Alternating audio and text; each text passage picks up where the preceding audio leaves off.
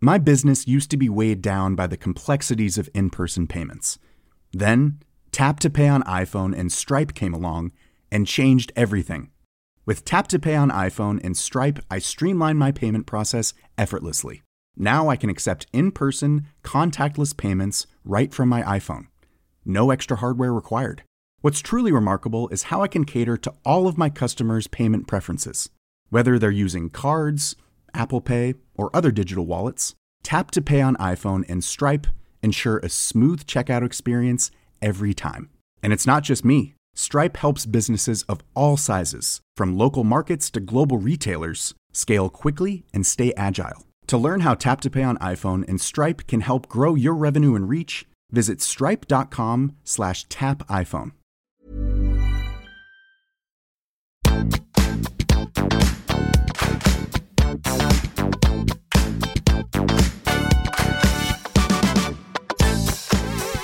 sammen, og velkommen tilbake til podkasten Karriereveiledning med Elaine. Dagens tema er noe jeg har fått veldig mye tilbakemeldinger på, og det handler om komfortsone. Så jeg tenkte at jeg skulle lage en kort og liten lekker episode om noen refleksjoner rundt dette med komfortsonen. Og vi mennesker, vi er jo veldig forskjellige, og derfor vil komfortsonen vår også være forskjellig. Det betyr ikke at du trenger å gjøre akkurat det som naboen din har gjort, eller kollegaen din, eller bestevenninna di. Og det handler jo litt om hva slags liv du lever, hvem du er som person, og selvfølgelig også hvem du har kanskje ansvar for rundt deg. Én ting som kan være lurt, er å reflektere over hva er det som egentlig er signaturstyrkene dine. Altså hva er det du er god på eller sterk på, som du kan benytte deg av og ha i bakhodet når du skal vurdere å gå ut av komfortsonen. Og det kan jo f.eks. være Sett når du er sjenert. Det er veldig mange som tenker at det er en svakhet, eller i hvert fall ikke er en styrke. Men hvis du klarer å sette deg ned, noe som jeg veit at du gjør, og begynne å reflektere over hva kan være positivt ved det å være sjenert. For eksempel, i hvert fall sånn som jeg opplevde med de jeg har jobbet med, så er de veldig gode til å lytte, for de har ikke kjempebehov for å snakke med en gang. De oppleves som rolige, behagelig å være rundt, og det er masse andre positive ting som du kan hekte på egenskapene dine, som du også kan jobbe med å utvikle, selvfølgelig. Og er du utadvendt og tar mye plass, og det kan jo være en styrke, men så er det igjen noe med å sette ord på det og tenke hvordan kommer det her til uttrykk når jeg skal begynne å jobbe med ut av komfortsonen min.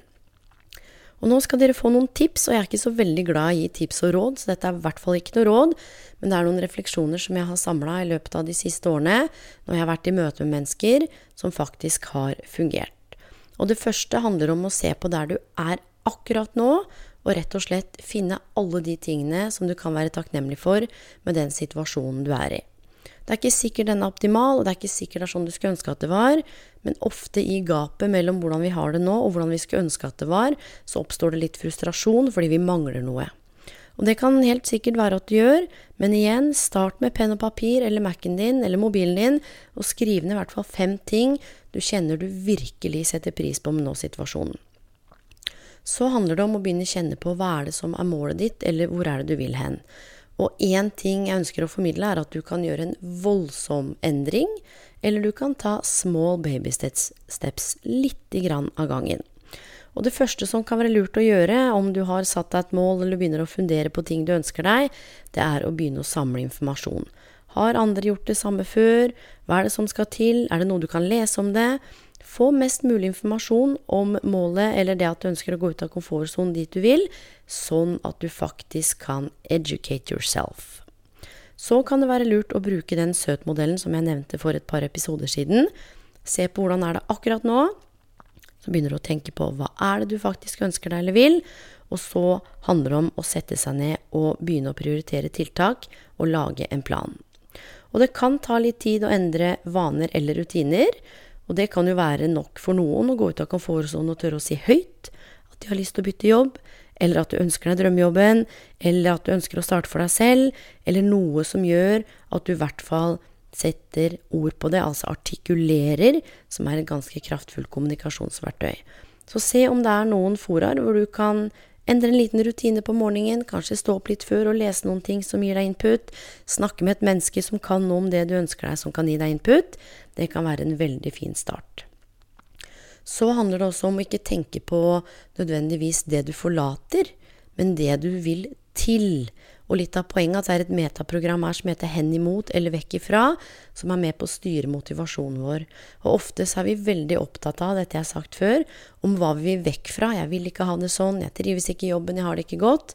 Men det å begynne å snu fokus og tenke hva er det jeg egentlig vil til, kan gjøre den reisen litt mer behagelig og faktisk skape litt mindre stress, for det har noe med å si hva slags fokus du har. Et annet punkt jeg har opplevd for folk som virkelig har lykkes med å komme seg ut av komfortsonen, det handler om å jobbe med å slippe kontrollen. Men for å gjøre det, så må vi stille oss noen gode spørsmål og rett og slett reflektere rundt hva er det det gir meg å ha kontroll? Og det kan ikke jeg svare på, det er veldig individuelt. Men for mange så gir det noen et eller annet å ha den kontrollen. Så det å begynne å rote litt rundt i hodet og lure på hva det handler om, det kan åpne opp noen nye dører, for mest sannsynligvis er det ikke kontrollen i seg selv, men det er hva det gir. Og så vet vi alle sammen at vi kan faktisk ikke kontrollere alt, men vi bruker veldig mye tid på mentale bilder og filmer oppi hodet vårt som vi skaper her og nå, som handler om hva som skal skje frem i tid, som ikke nødvendigvis stemmer på både godt og vondt. Og det som er fascinerende, er at den eneste fremtiden kan vi jo påvirke her og nå. Så det å begynne å bruke mentaltrening eller visualisering, eller begynne å se for deg på morgenen hvordan det kan se ut når du er i mål eller beveger deg mot den ønska situasjonen, vil være mye mer kraftfullt enn å ligge og tenke på eller grue seg over hva hvis du aldri får det til. Så her handler det om å leke litt med hodet. Så er det jo lurt å reflektere og stille seg selv gode, åpne spørsmål om ubehaget rundt komfortsonen. Og det er forskning som sier at hvorfor-spørsmål, det kan virke litt, ikke negativt nødvendigvis, for vi bruker det mye, så dette er ikke alltid, men vi blir veldig raske til å skulle forsvare oss eller finne en årsakssammenheng. Men heller å være nysgjerrig på hvordan påvirker dette meg? Hvordan opplever jeg dette? Hva er det som gjør at jeg kjenner ubehag? Det å sette seg ned og reflektere rundt og være litt mild mot seg selv i forhold til åpne spørsmål, gjør at du kanskje kan få tak i hva det handler om som er med på å skape ubehaget. Og vi kan ikke endre noen ting før vi er bevisste, så jo fort du vet at det er det eller det, så kan det være at det skal være en del av tiltaksplanen din, sånn at du kan også jobbe med det. Det kan være en sånn liten ting som å bestemme deg for at en dag eller en uke så skal du takke ja til alle utfordringer som skremmer deg. Det kan være at du faktisk nå skal si nei. Selv om du egentlig syns det er ubehagelig, for du er redd for at folk ikke skal like deg eller bli skuffa, så er det veldig mye kraft i det å si nei, og det er jo for mange faktisk ut av komfortsonen. Så det trenger ikke være disse voldsomme tingene, men det kan være at du blir lessa ned med arbeidsoppgaver på jobb, så er du redd for å si fra til sjefen. Så det å trene på noe som faktisk gir deg styrke over tid, det kan være viktig.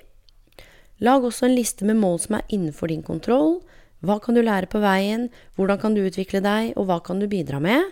Det kan være ting som du kan tracke, som kan gi deg styrke så tenker jeg det er enormt viktig å huske å feire eller belønne seg selv. Altså For noen så kan det være et kjempestort steg å si opp jobben og starte for seg selv, for andre så føles det som ingenting. Og jeg sa jo bare opp jobben min og starta for meg selv, men på den tiden så hadde jeg ikke barn. Jeg hadde økonomi, og jeg hadde den friheten til å gjøre akkurat det jeg ville. Og jeg sitter aldri i en veiledning og foreslår eller gir råd om at noen skal gjøre det samme, for det handler om å forstå hvordan påvirker valget ditt økologien, altså de menneskene rundt deg? Er det noen andre som blir involvert når du bestemmer deg for å begynne å gå ut av komfortsonen din? Og det kan jo både være positivt og negativt. Det kan være å ta den telefonen, ta den praten med, med sjefen din, eller rett og slett sørge for å ta noen små grep som gjør at du opplever at du er på vei ut av komfortsonen din med små babysteps. Og du trenger ikke utfordre absolutt alt. Du trenger ikke sette deg hårete mål. Du må sette deg mål som er viktig og riktig for deg. Og etter hvert som du gjør det, og klarer å roe ned all den støyen hva alle andre mener at du skal gjøre, spise, drikke, jobbe med, fremstå som, holde på med, så vil det være lettere etter hvert å gå ut av komfortsonen din. Det, mine venner, det var dagens bitte lille episode, som jeg håper kan gi bitte litt inspirasjon, kanskje til å si nei i dag, eller si ja, eller tørre å ta den telefonen, ta den samtalen, tørre å snuse på den nye stillingen, sende av gårde den søknaden, Kanskje gjøre én bitte, bitte liten ting som du opplever kan være riktig og viktig for deg, sånn at du kan bevege deg nærmere mot det du ønsker deg. Og med det så ønsker jeg dere en fin dag eller kveld eller helg eller hvor enn dere er i verden når dere hører på denne, og på gjenhør, mine venner.